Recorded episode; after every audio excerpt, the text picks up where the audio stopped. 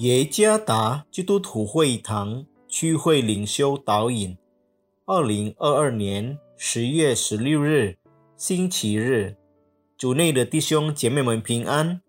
今天的领袖导引，我们要借着圣经诗篇三十三篇一到九节来思想今天的主题：新的崇拜。作者洪祖茂牧师。诗篇三十三篇一到九节，艺人呐，你们应当靠耶和华欢乐，正直人的赞美是何以的？你们应当弹琴称谢耶和华，用十弦瑟歌颂他，应当向他唱新歌，弹得巧妙，声音洪亮，因为耶和华的言语正直，凡他所做的。尽都诚实，他喜爱仁义公平，遍地满了耶和华的慈爱。诸天借耶和华的名而造，万象借他口中的气而成。他聚集海水如垒，收藏生羊在库房。愿全地都敬畏耶和华，愿世上的居民都惧怕他，因为他说有。就有命力就力。当我们收到新的东西、体验新氛围或任何新的事物时，我们的感受如何？当然感到十分惊喜。这是为什么？因为人很容易对旧的东西或旧的气氛和惯常的例行公事有感到厌烦的倾向。虽然在这一生中，大多数只是平平常常的事而已，这也不是一件坏事。然而，一个没有经历过任何新事物的人，内心对所拥有的没有珍惜的念头，也没有要成长之欲望的倾向。因此，在许多方面必须要有创新或更新。崇拜也是如此，没有更新的崇拜将成为乏味的宗教仪式，没有任何价值可言。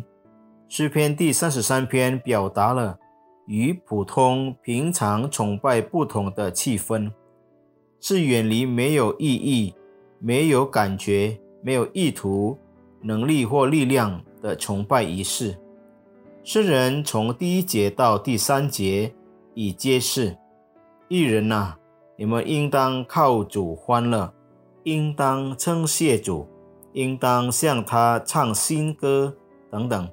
这是一幅主的子民新的崇拜画面，因为上帝在他所有的创造物中彰显了他伟大的作为。